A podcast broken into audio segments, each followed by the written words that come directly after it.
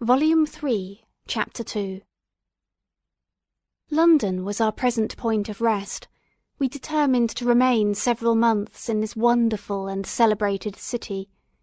Clerval desired the intercourse of the men of genius and talent who flourished at this time, but this was with me a secondary object; I was principally occupied with the means of obtaining the information necessary for the completion of my promise and quickly availed myself of the letters of introduction that I had brought with me, addressed to the most distinguished natural philosophers. If this journey had taken place during my days of study and happiness, it would have afforded me inexpressible pleasure. But a blight had come over my existence, and I only visited these people for the sake of the information they might give me on the subject in which my interest was so terribly profound.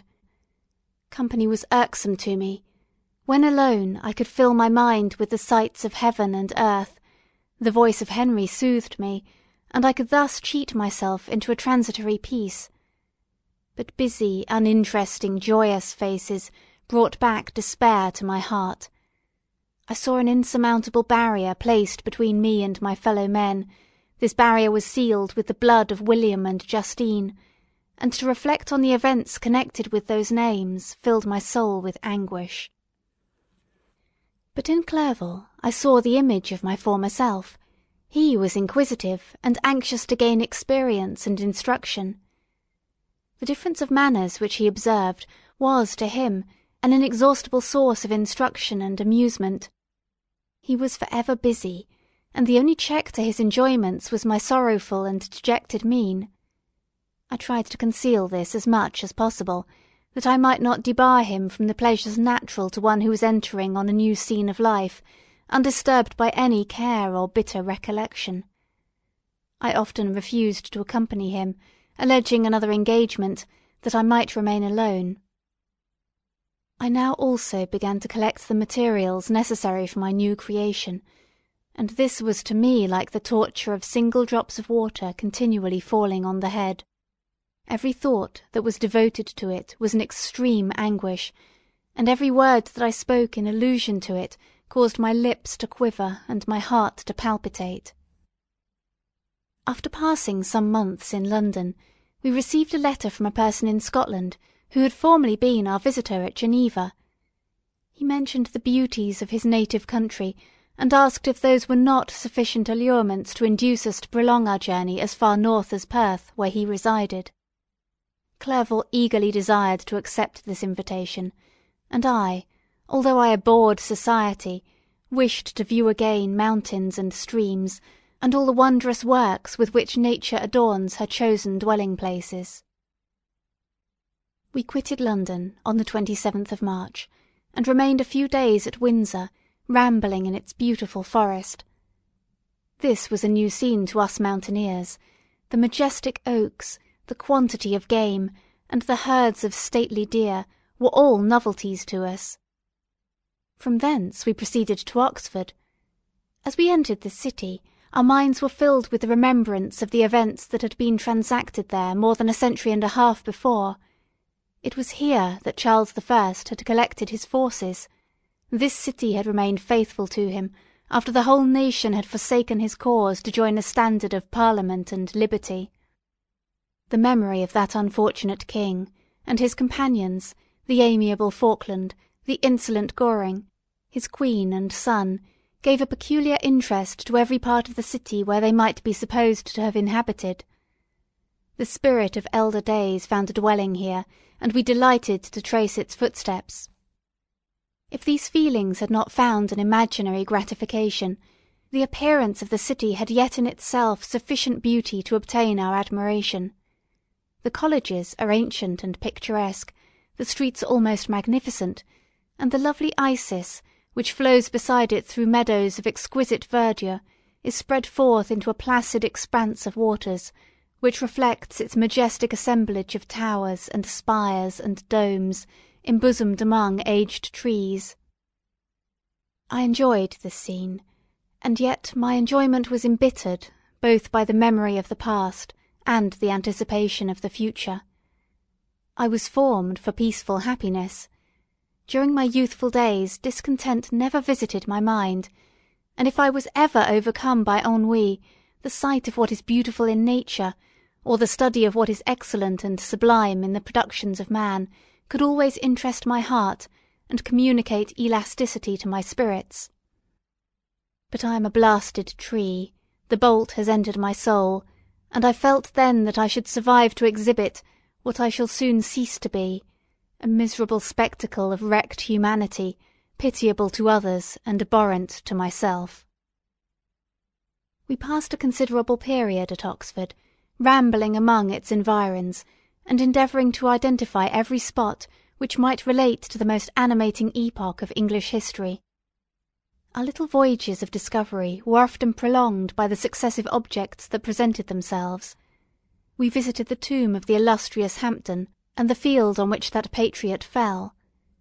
For a moment my soul was elevated, from its debasing and miserable fears, to contemplate the divine ideas of liberty and self-sacrifice, of which these sites were the monuments and the remembrances.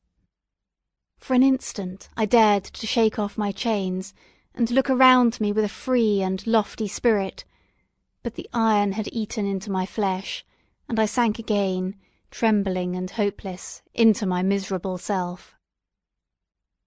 We left Oxford with regret, and proceeded to Matlock, which was our next place of rest. The country in the neighbourhood of this village resembles to a greater degree the scenery of Switzerland, but everything is on a lower scale, and the green hills want the crown of distant white Alps, which always attend on the piny mountains of my native country. We visited the wondrous cave, and the little cabinets of natural history, where the curiosities are disposed in the same manner as in the collections at Servox and Chamounix. The latter name made me tremble when pronounced by Henry, and I hastened to quit Matlock, with which that terrible scene was thus associated. From Derby, still journeying northward, we passed two months in Cumberland and Westmoreland. I could now almost fancy myself among the Swiss mountains. The little patches of snow which yet lingered on the northern sides of the mountains, the lakes, and the dashing of the rocky streams, were all familiar and dear sights to me. Here also we made some acquaintances, who almost contrived to cheat me into happiness. The delight of Clerval was proportionably greater than mine; his mind expanded in the company of men of talent, and he found in his own nature greater capacities and resources than he could have imagined himself to have possessed while he associated with his inferiors.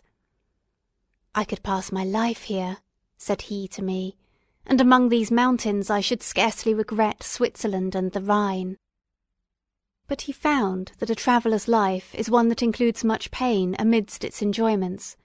His feelings are for ever on the stretch, and when he begins to sink into repose, he finds himself obliged to quit that on which he rests in pleasure, for something new, which again engages his attention, and which also he forsakes for other novelties. We had scarcely visited the various lakes of Cumberland and Westmoreland, and conceived an affection for some of the inhabitants, when the period of our appointment with our Scotch friend approached, and we left them to travel on. For my own part I was not sorry. I had now neglected my promise for some time, and I feared the effects of the demon's disappointment. He might remain in Switzerland and wreak his vengeance on my relatives. This idea pursued me and tormented me at every moment from which I might otherwise have snatched repose and peace. I waited for my letters with feverish impatience; if they were delayed I was miserable, and overcome by a thousand fears; and when they arrived, and I saw the superscription of Elizabeth or my father, I hardly dared to read and ascertain my fate. Sometimes I thought that the fiend followed me and might expedite my remissness by murdering my companion.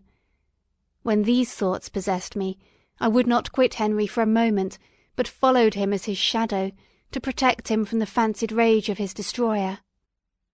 I felt as if I had committed some great crime, the consciousness of which haunted me. I was guiltless, but I had indeed drawn down a horrible curse upon my head, as mortal as that of crime. I visited Edinburgh with languid eyes and mind, and yet that city might have interested the most unfortunate being.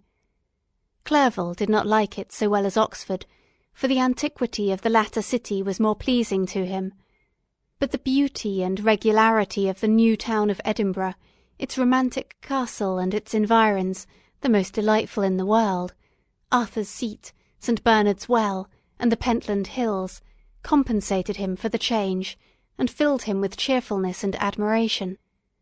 But I was impatient to arrive at the termination of my journey.